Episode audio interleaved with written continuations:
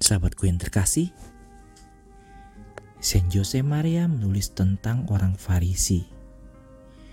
Wajah yang suram, perilaku yang kasar, penampilan konyol, sikap tidak ramah. Apakah itu cara mereka berharap untuk menginspirasi orang lain untuk mengikuti Kristus? Sabtu 4 September bacaan Injil diambil dari Lukas 6 ayat 1 sampai dengan 5. Pada suatu hari sabat ketika Yesus berjalan di ladang gandum murid-muridnya memetik bulir gandum dan memakannya sementara mereka mengisarnya dengan tangannya. Tetapi beberapa orang Farisi berkata, mengapa kamu berbuat sesuatu yang tidak diperbolehkan pada hari Sabat? Sabat, keluhan orang-orang Farisi bahwa murid-muridmu makan tanpa mencuci tangan, bahwa mereka makan dengan pemungut cukai, bahwa mereka memetik bulir-bulir gandum pada hari Sabat, bahwa murid-muridmu makan dan minum sementara kami berpuasa.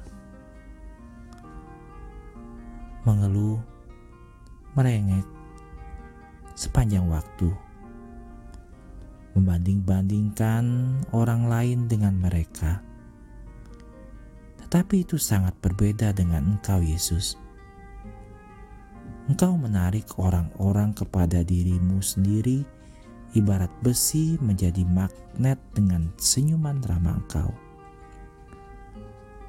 Begitulah aku membayangkan engkau. Itu pula yang dapat kami lihat dalam kehidupan orang-orang kudusmu Bapa.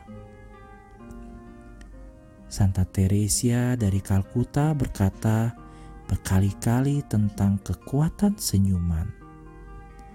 Ia berkata, kita tidak akan pernah tahu semua kebaikan yang bisa dilakukan oleh senyuman sederhana.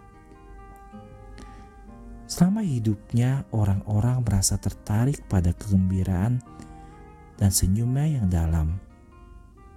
Tetapi, sangat sedikit yang tahu bahwa selama hampir 50 tahun, ia menderita kegelapan batin dan kesepian. Ia sering meminta mereka yang mengetahuinya untuk berdoa baginya, sehingga dia tidak akan pernah kehilangan senyumnya. Engkau, Tuhan, membutuhkan rasul-rasul yang tersenyum, murid-murid yang tetap tersenyum di tengah cobaan dan kesulitannya.